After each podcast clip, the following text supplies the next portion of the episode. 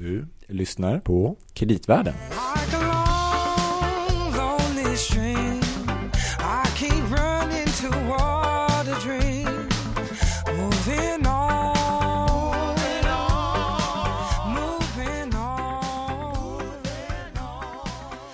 Hej allesammans och välkomna tillbaka till Kreditvärlden-podden. En eh, podd av och med kreditmarknaden och allt som därtill hör.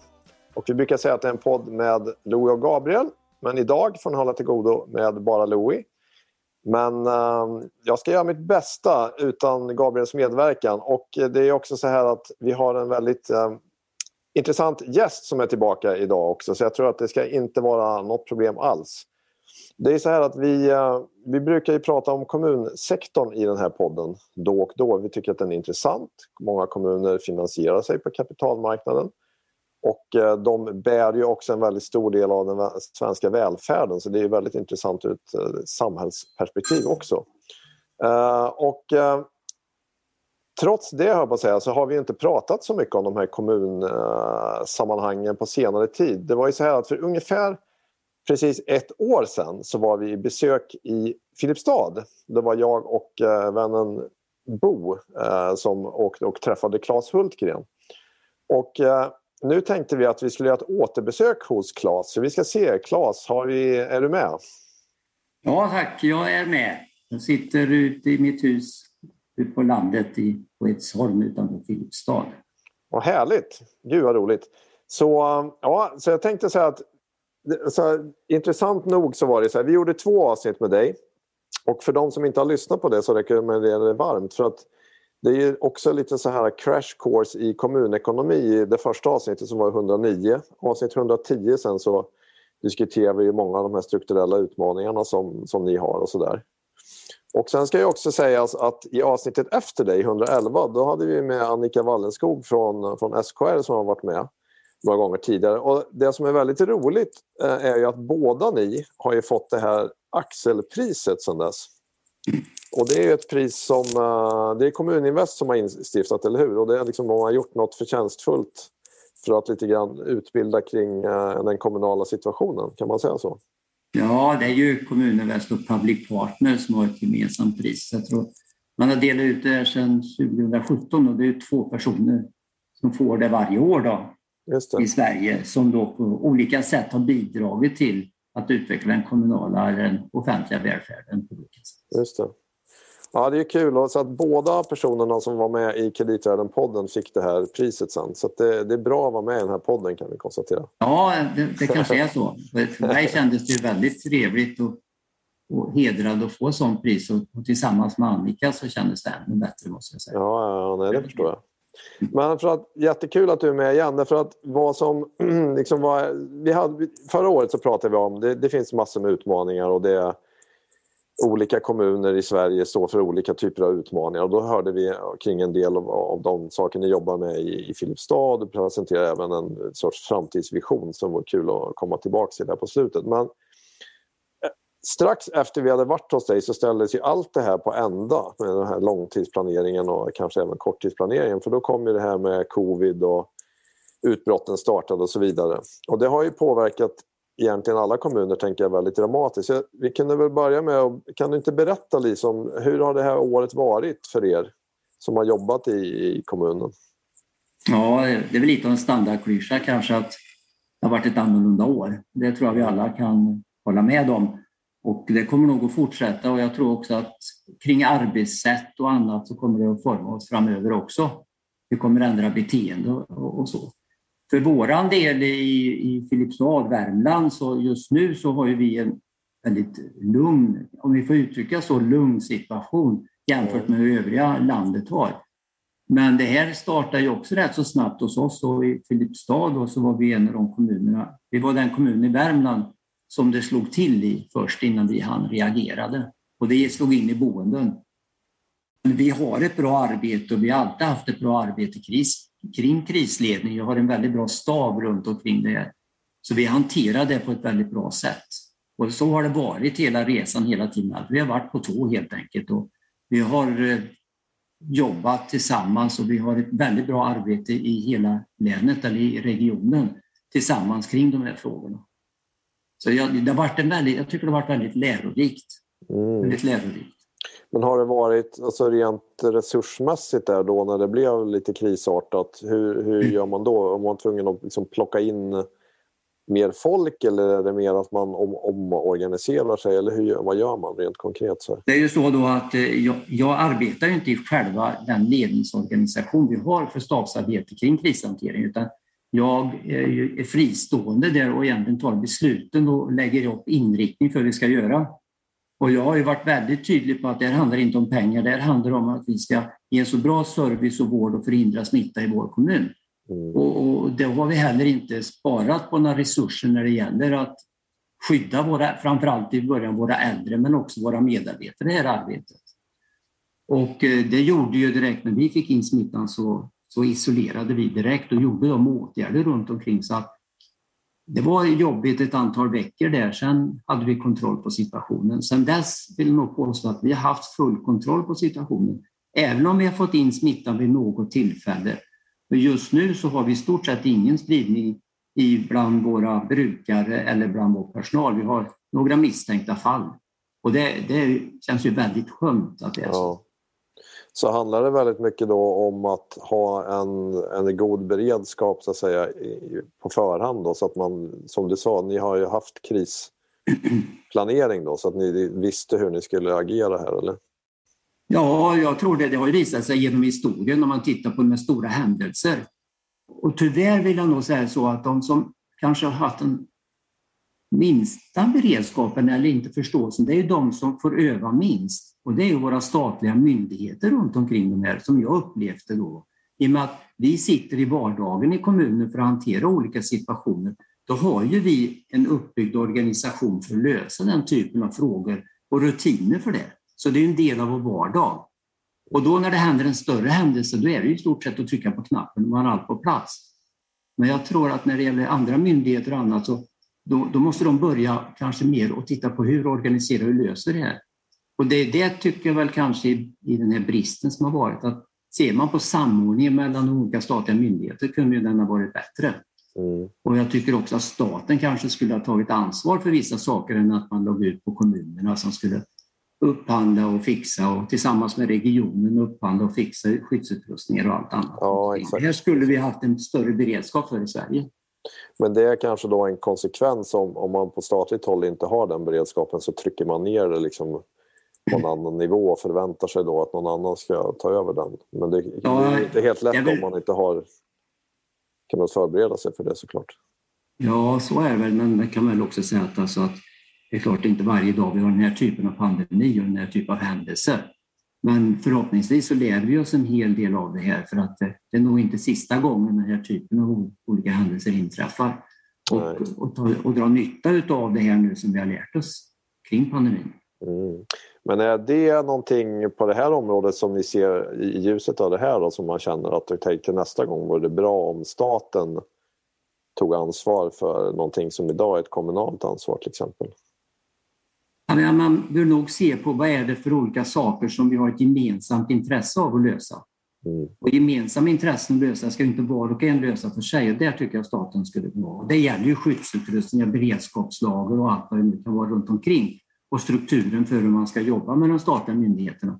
Däremot så är det ju så att här och nu och på plats, där är ju kommunen tillsammans med regionerna bäst lämpade att lösa den här typen av saker. Ja, Ja. Sen ekonomiskt kan man säga så här att det, jag tycker det har varit väldigt bra att man har varit så tydlig kring det här att vi kompenserar kommuner Ja. och regioner för de kostnader som är. Mm. För det var mitt första budskap som jag nämnde att e- ekonomin får inte sätta stopp för, för vi har ju ingen bra ekonomi, vi har en tuff ekonomi. Nej. Men när det gäller människoliv och skydda då våra brukare och våra äldre framförallt och medarbetare, då måste man ju satsa de resurser som krävs för att göra det största möjliga på ett bra sätt. Det är ju bara så. Och Mm. det vill jag nog påstå att vi har gjort i Filipstad. Men för det vore lite intressant att höra om. För att, precis som du sa, så för förra året så konstaterade vi att det fanns liksom, säga, ett strukturellt, eller vad man ska kalla men det, ett glapp mellan kostnader och intäkter i kommunen och sen har det lösts eh, under flera år men det har varit ex, lite extra anslag och sådana saker. Så under året 2020 och om vi säger även nu 2021 då, vad, vad har hänt rent konkret för er? Vad har ni fått för extra pengar liksom, och hur, hur väl har de räckt för de här kostnaderna? Ja, alltså tittar vi på själva coronan och de kostnader som coronan har medfört så har ju vi fått ersättning i stort sett för alla kostnader som vi har. Okay, ja. Det är också så att de här extra anslagen i år som för våran del motsvarar ungefär en skattekrona. De har ju bidragit till att vi mot att gå mot ett stort underskott så har vi nästan balans. Vi har några miljoner i differens bara för 2020. Så, men det är en del av engångseffekt i det. Så det tycker jag har varit eh, väldigt bra gjort av staten, att ge tydliga riktlinjer och, och besked om att vi kommer kompensera er för de kostnader som har varit. Och I Filipstad så känner vi att det har vi fått i stort sett. Mm. Så det var för förra året. Hur är det för i år då? Är det samma sak? Eller?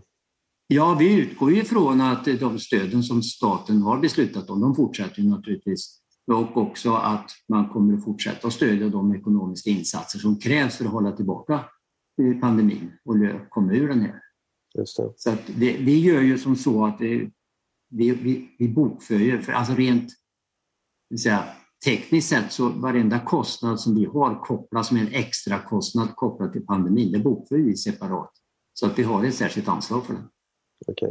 Som vi sen återsöker ifrån. Mm, just det, men för att ja, i samband med pandemin så har det också då aktualiserats att man tycker kanske att det ska vara mer resurser inom äldrevården och sånt där. Och då har ni kanske anslagit en del sånt, eller jag vet inte hur, hur det är med det. Men hur, ehm, jag tänkte liksom framgent då, om, om vi säger att man tycker att vi vill anställa till exempel några till eller att det behövs och sådär.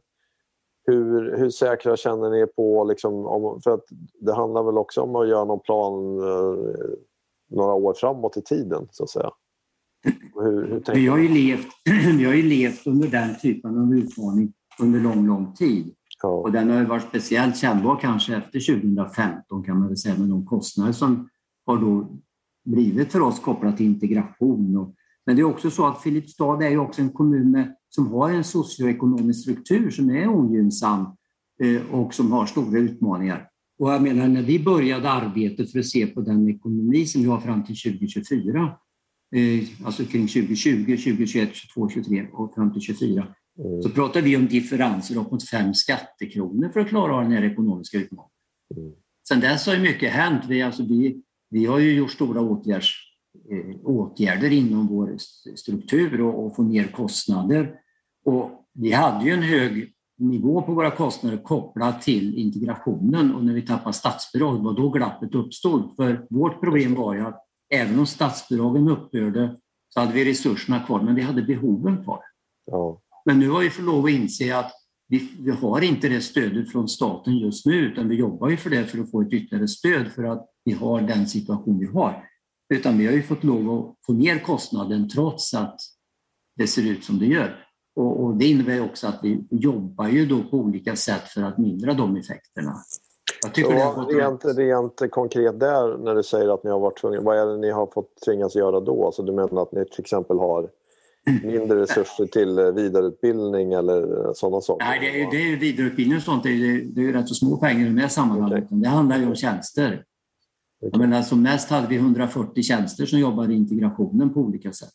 Ja, hur många är det nu? Och, och, och idag är det inte många kvar och det sista vi gjorde nu under, sedan i våras kan vi säga, under 2020, mm. så är det drygt 30-tal tjänster som har minskat bara inom skolförvaltningen. Då för att anpassa kostymen och vi är fortfarande inte framme än.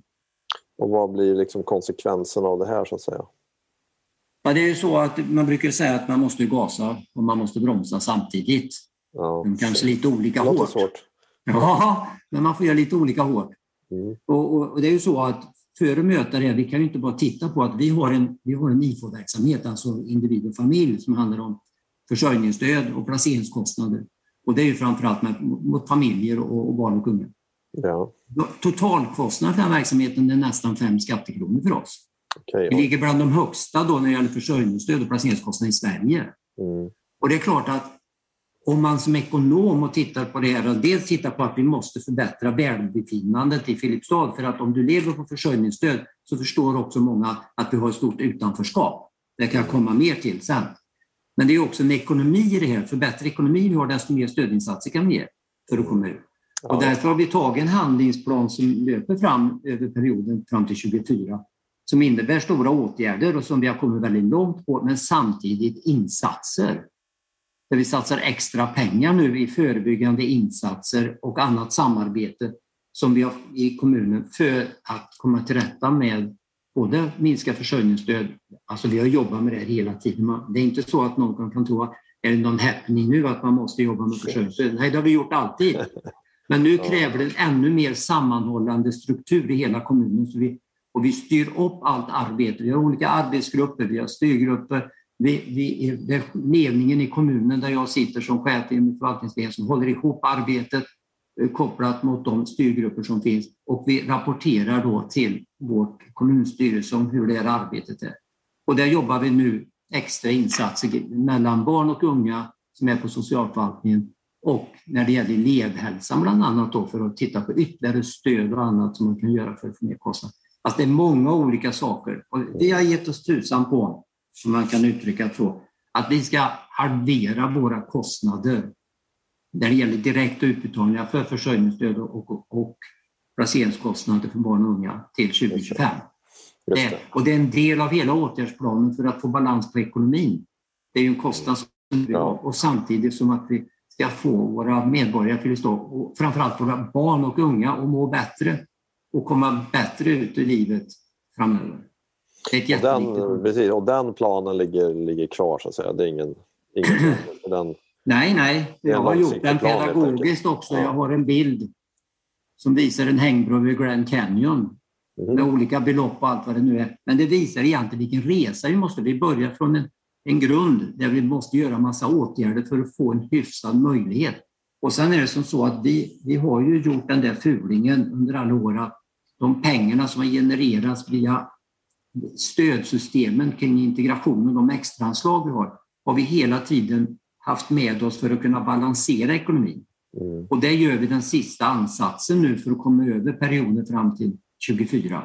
Så det är 50 miljoner, alltså det är 2,50 i utdebitering för oss som vi har tillgång till. Sen är de pengarna slut. Så man kan på sätt och vis säga att ni så att säga, har buffrat upp lite pengar så att Mm. ni kan eh, göra den här, det här långsiktiga arbetet. Liksom, utan, Ja, och det är ju så jag nämnde förut. Och det är den diskussionen vi har tagit. Både, vi anser ju att kommunallagen och regler om balanskrav, det, det stämmer inte med den vardagssituation vi befinner oss i här och nu.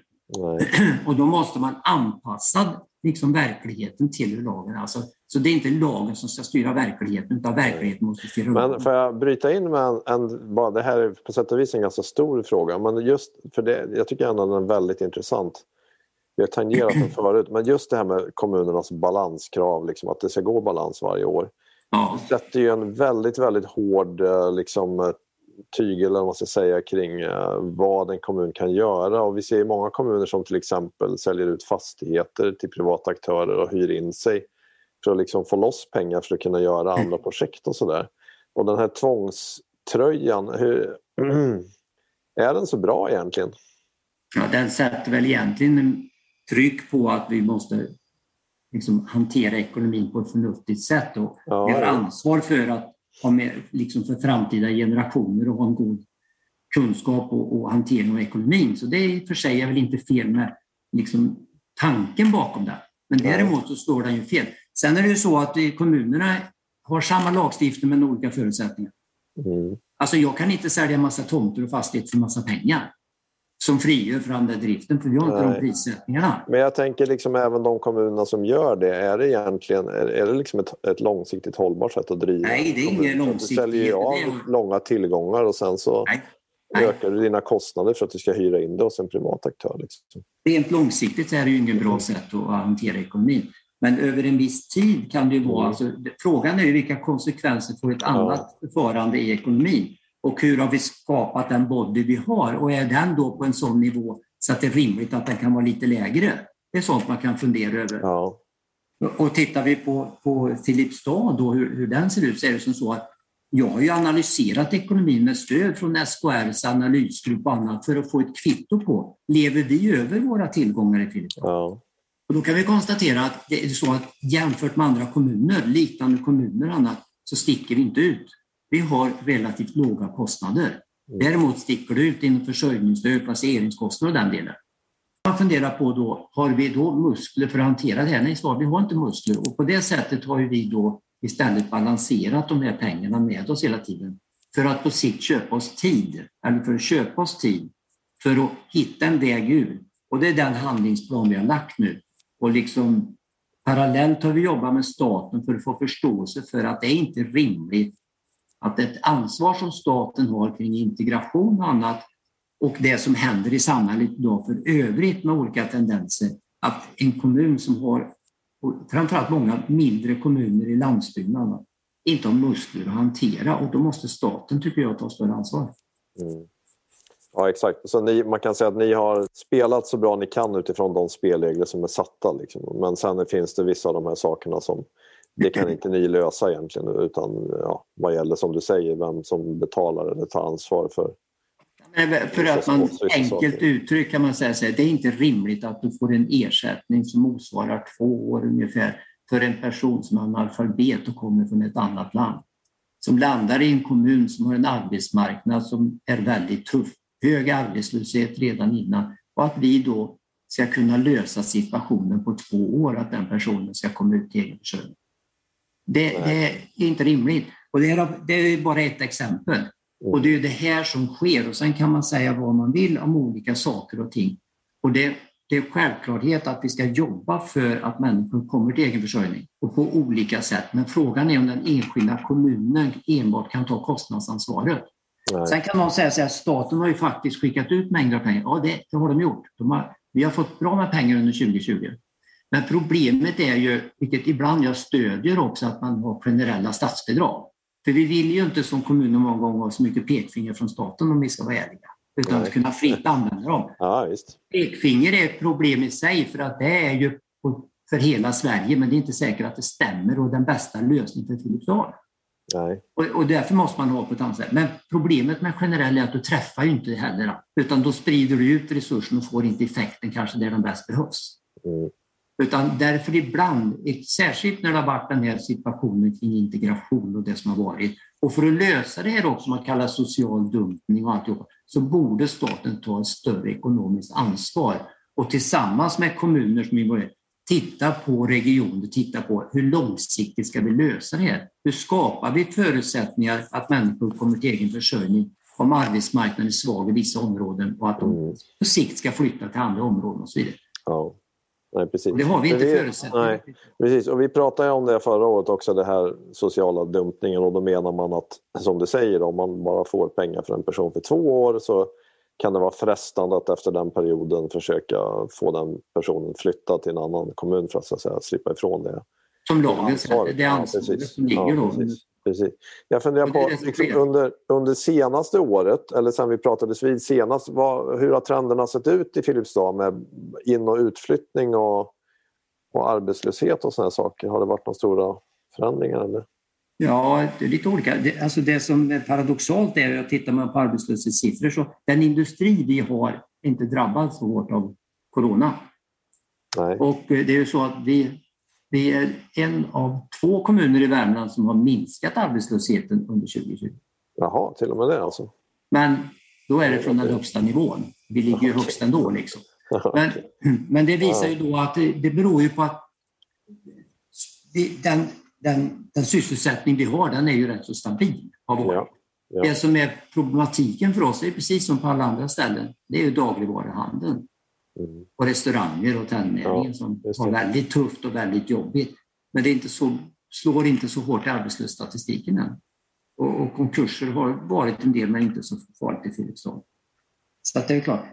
Så då har vi klarat oss relativt bra får man ju säga. Sen när det gäller in och utflyttning och sånt där så vi har ju en utflyttning idag från Filipstad och det är inte så konstigt för det är vår ambition att om, du, om vi lyckas att du får en utbildning och du går till att du kan söka ett arbete och det inte finns i Filipstad, då vill vi att du söker dit det finns ett arbete.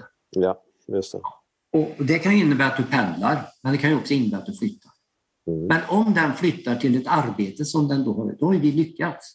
Då har vi bidragit i Sverige till att den personen har fått en egen försörjning. Kan ni, se det det, inte. i- kan ni se det i statistiken på de som har flyttat? Hur många som flyttar till ett jobb eller liksom Nej, det, det, flyttar till? Eller? Det kan man nej, vi kommer inte fram. Då måste man göra andra undersökningar kring det. Okej, ja. Det, det, är ju- det är ju det målet vi har, att vi ska få människor till arbete. Och finns Mm. inte de i Filipstad. alltså. Men vi anställer ju en del själva i vår vård och omsorg framför allt. Det är ju Just det. många nyanlända som har fått arbete idag. Just Och det. det är vi väldigt, väldigt tacksamma för. Så det har bidragit väldigt positivt det här för oss också. Men det är en Ja, det. ekonomisk utmaning. Just det. Vi, hur har det liksom, vi, vi tangerade även förra året kring det här med Arbetsförmedlingen för då var ju trenden att de la ner lokala kontor och liksom centraliserade sig. Sen har ju den där trenden kanske lite grann reverserat men jag vet inte hur har det hänt något hos er i Ja, Filipstad? eh, Liksom? Är de mer närvarande nu? Eller? Nej, vi får väl tyvärr säga som så att liksom samarbete med Arbetsförmedlingen är rätt så obefintligt. Okej. Eh, Alltså rent inte- det praktiska arbetet, överläggningar kring olika individer för att hitta bästa lösningar, det fungerar inte bra. Ja. För det, det måste ju liksom- vara en försvårande faktor i det här som du pratar om att man vill skapa eller hjälpa till och sen få folk i arbete. Och Ja, sen har jag inte riktigt koll också, för nu har det ju etablerats några privata aktörer, hur de lyckas och annat. Men vi har ju varit kritiska kring, till det här med privata aktörer. Och då kan någon undra varför då? Jo, men för våran del, en liten kommun, så är det ju så att vi har begränsat antal arbetsgivare och annat. Och det, är mycket lättare om vi kunde få en kontroll på det här tillsammans med Arbetsförmedlingen. Eller som jag har uttryckt att vi, vi är inte främmande för att kunna vara en pilot och ta ett större ansvar. För då, då kan man samordna resurserna på ett annat sätt. Annars jobbar vi på olika håll. Så vi har ingen möjlighet att styra eller så. va. Däremot kan vi söka information naturligtvis. Det är en annan sak. Mm. Men det, det är en försvårande omständighet. Ja, just det. Just det. Mm, En annan sak vi pratade om var ju det här med hur man kan, givet att liksom det är en tight budget generellt, då, men att man ska klara av lite större investeringar och sånt där. Jag tyckte mig ana i er senaste budget att ni, för ni behövde, det fanns ju behov av både skola och simhall. Eh, Att de här projekten ligger ändå, de kommer att ske nu liksom, eller? Men alltså det, det är väl en utmaning som många av oss kommuner står inför nu. För många av de här investeringarna som gjordes på 60, kanske 70-talet någonstans. Mm. med många skolor och, och även när det gällde simhallar och den delen för att öka simkunnigheten i Sverige och de bitarna. Och vi står ju inför det att de är ju uttjänta de skolor vi har i stor utsträckning. De är inte anpassade till dagens system. Och, det har vi ju planerat under lång tid och nu står vi inför och vi har precis startat byggnationen av en ny grundskola då, en FT3-skola. Och för oss är det nästan 200 miljoner, 187 miljoner. Och det är, det är mycket pengar i det här sammanhanget. Driftmässigt kan vi möta med att vi tar bort en del lokaler och lite annat. Så att det, behöver inte, det slår inte så hårt driftkostnadsmässigt på driften. Däremot måste vi klara av en högre kapitalkostnad. Ja, Eh, sen pågår det ju diskussioner, alltså vår simhall är uttjänt, den har stått stängd nu i ett och ett halvt, nästan två år. Och där har ju politiken lovat att vi ska återskapa en simhall. Simmöjligheterna måste finnas på ett eller annat sätt, alltså för Mm. att klara undervisningskrav och lite annat och simkunnigheten. Och där är det tyvärr så att den simhall vi har, den är så pass uttjänt så att vi trodde att en renovering skulle gå från början. Men nu står man inför att ska det vara en simhall så är det en ny simhall som krävs. mm. Och då försöker man göra den billigaste möjligaste, men det är säkert en 150 miljoner vi pratar om. investering. Okej, ja. Sen för övrigt så är det som så att övriga skolor har vi då inte gjort någonting åt, som vi fortfarande ska bedriva. Och det är, någon skola är från slutet av 1800-talet och början av 1900-talet och eh, sen har vi skolor som har stora behov att göra. Så att vi står inför, vi har väldigt stora behov med investeringar och underhållskostnader framöver som Ja. vi måste skapa utrymme för.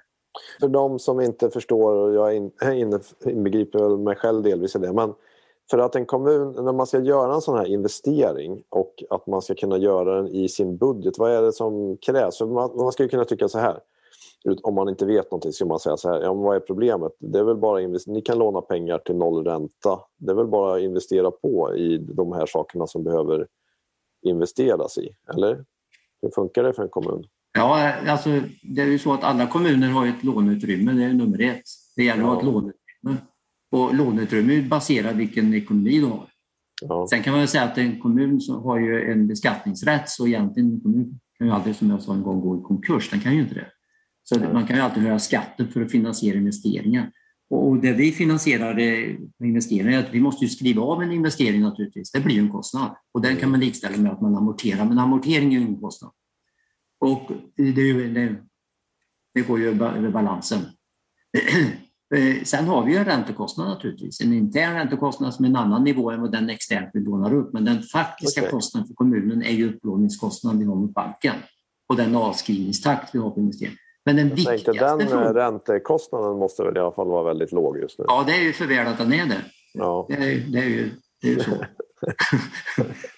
så det, det gynnar ju oss möjligheten att investera. Men vad, så vad, vad, liksom, eh, vad är det som begränsar då hur mycket ni kan investera? Är det liksom den här avskrivningstakten som... Ja, det, ja det, där måste vi ju kunna klara av resultatet eftersom resultatet ingår i balanskravet och det ingår i avskrivningen som en del av kostnaden. Så där måste vi klara ut av. Och det är logiskt att man ska göra för det är ett sätt att jämställa med en privatekonomi, att jag klarar av att minska min låneskuld på sikt. Ja, just det. Så, så, och vi brukar ju amortera, försöka amortera i samma takt som vi skriver av ungefär, att ha ett sånt motto ungefär. Just det. Eh, Men för övrigt är det som så att det som har väldigt stor betydelse det är ju också vilken driftkostnad en investering får. Med drift menar jag alltså uppvärmning, underhåll och Ja, vad det kräver personellt och så vidare. Och det kan man ju möta. Bygger man nya lokaler kan man få annan teknik och allt annat. Så då kan man kanske få, om man kan göra sig av med gamla lokaler, det är förutsättningen. Mm. Så man inte bygger nytt och så hittar man på något annat i de gamla, då är man ju illa ute. Det gäller att få bort de gamla lokalerna när man bygger nytt. Då kan det också vara så att en ny skola exempelvis kan ju faktiskt innebära en lägre driftkostnad för fastigheten i sig än vad den gamla lösningen var. Och då är ju det med och medfinansierar då kostnaden för nybyggnationen. Ja, just det. Just Och det. det är så vi jobbar på. Man måste ha smart teknik för att få ner driftkostnaden. Samma gäller ju en simhall. Det har ju väldigt stor betydelse volymen på vilken vatten du har. Det kanske har större betydelse än att du bygger lite större eller bygger lite mindre rent kostnadsmässigt för investeringen än vad driftkostnaden är på sikt för att värma upp och rena volymer på vatten. Eller vilken teknik du använder och så vidare. Det finns ju mycket i det där. Men en kommun vi måste ju klara av att bära investeringen över driftbudgeten. Kort. Ja, just det. Just det. Men för att, jag antar att liksom grunddilemmat skulle kunna vara lite grann att ni kan tycka att vissa saker behövs i en kommun, till exempel en simhall. Men att det är lite tufft liksom att mäkta med det då i att ekonomin är så... Ja, ni, ni, jag antar att ni hoppas kunna genomföra det här men någonstans blir det liksom att man tycker att det finns ju ändå någon miniminivå på, på service man behöver. Men jag har ju jag har den handlingsplan som jag tillsammans med ekonomichefen har tagit fram som politiken har slagit fast. Den, den visar ju att vi inte mäktar med den här investeringen med den Okej. ekonomi vi har idag, trots de åtgärder som vi gör. Utan för att klara investeringarna som politiken har slagit fast att de här måste vi genomföra i Filipstad, då krävs en skattehöjning för att möta de kostnaderna. Ja, okej. Det är där Det frågan på- ligger så att säga. Ja, det är, men det, det finns ju med i planen en skattehöjning under den här perioden då, för våra 75 öre. Eh, Och vi kan man säga att det är ingen lågskattekommun i Filipstad. Även om vi ligger lågt i Värmland bland de lägsta så Sverige ligger en bit. Men det bygger på att skulle vi finansiera de här investeringarna över vanliga driftbudgeten och, möta de kostnader ytterligare så slår vi sönder den strukturen och, och omöjliggör egentligen det förebyggande arbete som krävs för att få ner våra kostnader. Mm. Och därför måste man finansiera investeringar vid sidan av. Det är vad jag har sagt och vad man har, har lagt fast i den plan som ligger. Ja, för annars så trycker det undan för mycket av de här andra väldigt, väldigt viktiga sakerna. Ja, det räcker ju, det räcker ju med att vi sedan 2020, eller före 2020 tills 2023 egentligen plockar bort fem skattekronor på olika sätt i vår verksamhet. Mm. Det är vad vi, vad vi gör under hela den här tiden mot den bild vi har haft. Och det gör vi, vi klarar det här genom att vi skjuter in andra pengar för att mildra effekterna tills vi har nått fullt ut 2023. Ja. Men det gäller att hålla i ekonomin. Det Ja. gäller att följa upp och hela tiden vidta åtgärder för annars så kan det rinna iväg. Men sen i ett större perspektiv, om vi också tänker då några år framåt. Vi har pratat många gånger om de här alla demografiska utmaningar som de flesta kommuner står inför, även, även Filipstad. Då. Så kommer, eh, som du ser det, så är det så här, det kommer vara nödvändigt att staten så att säga långsiktigt bidrar med mer pengar för att hantera de här kostnaderna. eller? För att de kommer Ja, att, jag tycker- Det går liksom inte att rationalisera sig till vad som helst. Det är ju så här att vi vet ju att i kostnadsutjämningssystemet så, så kompenseras inte integrationen fullt ut. Det finns vissa parametrar. Är du barn, Nej, är du så. barn så får du ju... Men därför måste ju staten, det är ju där staten måste gå in. Vi pratar med 30-40-tal särskilda kommuner eller regioner eller områden som har de här utmaningarna. Och det är ju förhållandevis inte stora pengar i vad vi pratar om insatser som görs för övrigt. Det borde man göra, men det hjälper ju inte bara att skicka in pengar. Man borde ju titta på hur långsiktigt löser vi problemet med integrationen eller människor som har ett utanförskap Mm. för att de ska komma till egen försörjning. Så det inte blir motsättningar mellan kommuner och regioner. Och det är ju det som ibland man ser de här debatterna om. Jag tycker det är så tråkigt, för vi borde ha ett gemensamt ansvar i Sverige att vi ska vara ett välmående land och ge alla barn och förutsättningar oavsett vart de bor, eller medborgare. Och, och det måste ju vara staten som är garant för det, tycker jag. Däremot borde vi via SKR, regioner och kommuner hjälpas åt att hitta lösningar för hur bästa sättet att hitta de här. Alltså, precis som vi pratar i regionen i Värmland, Värmlands region, så pratar vi om vart har vi behov av olika typer av arbetskrafter? Vad har vi för typ av olika industri? Ja, men då är det väl rimligt att ni nu i Arvika exempelvis tittar på yrkesinriktad utbildning inom truck och den biten i och med att man har eh, Volvo etablerat där. Och, Ja, och, och så vidare. Att man, och det, de diskussioner förs ju och viss del har det påbörjats. Mm.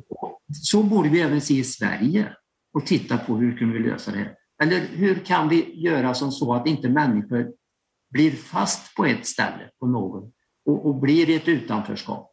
Tittar vi i Filipstad exempelvis så är det som så att i lilla centrum i Filipstad, alltså i centrum så bor det ungefär 6 000 invånare ungefär. Ja. Där har vi två upptagningsområden inom skolområdet för grundskolan. Alltså till eh, F till, F till 6. Det är två upptagningsområden. I den ena skolan så är det sju av tio som har, är, är nyanlända barn som går. I den andra så är det cirka en av tio som är nyanlända. Oj. Ja. Alltså vi har väldigt stor skillnad på det där. Ja. Det är någonting jag står. Tittar vi sen på vart man bor i det här och tittar på trångboddhet så hittar vi precis samma mönster. Att där vi har den här stora trångboddheten i Filipstad, när vi pratar trångboddhet, det är inte ovanligt med familjer som bor i en trea med 68 personer. Mm. Och där är barn som ska få en bra skolgång och allt annat. Ja. Och därför är ett arbete som jag gjort och som finns beslut om redan, att vi ska ha ett skolområde så att alla barn kan få en likvärdig utbildning. Och det är också så att vi, idag har vi alltså F6 på ett ställe och så har vi F6-skola på ett ställe. Och då, det blir ju splittrade resurser. Så det här lägger vi ihop så vi tar F3 på ett ställe, det är ett led i att vi bygger en ny skola. Och så tar vi 4 till 6 på ett ställe, då kan du koncentrera lärarna utifrån deras kunskaper och annat på ett bättre sätt och ge bättre förutsättningar för alla barn att få en bra utbildning. Men då blir det strid i det här istället. Och nu har ju man yrkat om folkomröstning, så de har ju fått ihop en lista så vi ska göra folkomröstning någon gång till hösten om vi ska göra den här uppdelningen. Oj då. Ja, det är sprängkraft så att säga, de här Ja, frågorna. det är sprängkraft och det var, jag hade en diskussion om man ska vara riktigt öppen i de här sammanhangen med en förälder som sa att du måste förstå, sa föräldern, att jag tar ansvar för mitt barn, att ska få den bästa möjligheten. Ja, sa jag, det har jag full förståelse för. Men du måste förstå att jag har ansvar för alla barn i Filipstad ska få den bästa utbildningen. Det är det som skiljer oss i det här. Ja. Och, och att man, man känner en osäkerhet, trots att vi tycker att vi har kunnat svara på alla frågor om trafiksäkerhet och hur vi kan säkerställa kunskap, hur klassernas storlek inte kommer att förändras i nämnvärd omfattning och så vidare. Och så vidare. Men det är känsliga frågor, precis som att tittar vi ekonomiskt så kanske inte vi skulle ha glesbygdsskolor kvar och gå hårt fram.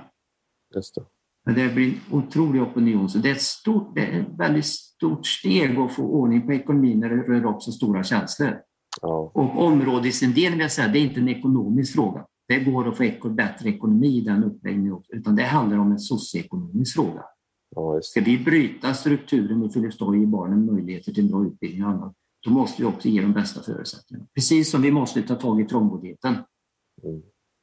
Ja, det är många väldigt, väldigt svåra och ibland tuffa beslut som man, ska, som man ska fatta.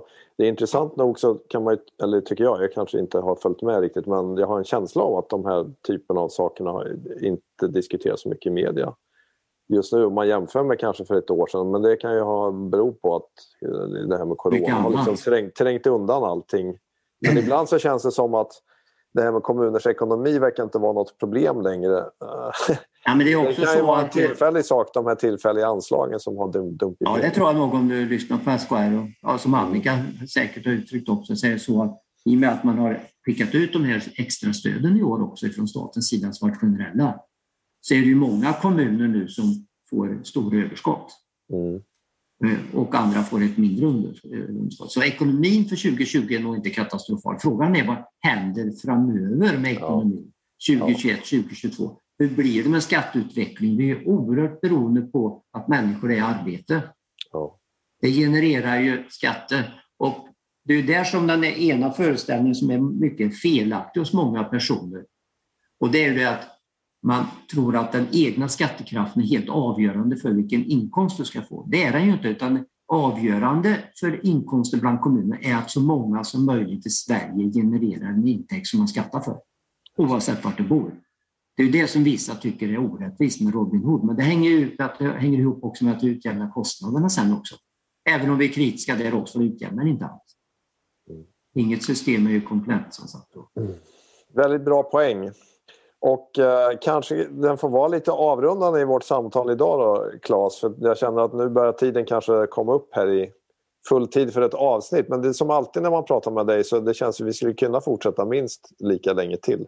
Ja, Det var tack. lika intressant. Men eh, på ett personligt plan, så här, du ska väl, eh, är det inte så att du snart ska lämna över lite grann här din stafettpinne? Ja, jo, det är dags för ett nytt kapitel i mitt liv. Jaha. Eh, Jag tänker gå i pension här till våren. Så att eh, de har redan utsett en efterträdare till mig då i Filipstad som jag också känner, som jobbar i organisationen, som känns väldigt bra. Så jag är Ja. trygg i det. Vad bra. Men det är inte hoppas, bara att tar, vi hoppas att de tar lika bra hand om eh, kommunens ekonomi som du har gjort i så många år nu. Ja, det är, vi har en väldigt, väldigt duktig ekonomichef i Filipstads kommun, så jag är lugn när det gäller den delen. Okej, vad bra. Jag tänkte så här, som så här, sista avslutning. För att du var ju indikerad att du är ju li, lite en uh, liten torpare, eller hur? Ja. ja. Vi, vi lyssnade på den förra året som avslut. Men jag tänker så här, vi skulle väl kunna runda av även det här avsnittet med den här torparvisan av Gunnar Det låter- Johansson, men med Sven-Ingvars. Kan inte det Ja, vara den en låter sti- stilenlig jättebra. Då avrundning? får vi i alla fall en värmländsk grupp som är med. Ja, exakt. Precis. Ja, nej, men otroligt. Väldigt mycket eh, saker har jag fått att fundera på igen kring kommunens ekonomi. Hoppas även ni andra som har lyssnat har fått det. Hör gärna av er om ni har frågor eller något annat ni vill att vi ska ta upp med Claes eller någon annan. Så hoppas vi kan göra det. Mm. Tack för idag. Stort tack Claes. Ja, tack Louis och Gabriel som spelar in det här. Tack ska ni ha. Tackar. Fint, vi hörs. Och det gör vi.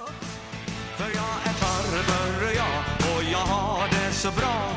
Jag ligger på soffan, för så ska det vara. Och gräset det växer och rögen gror.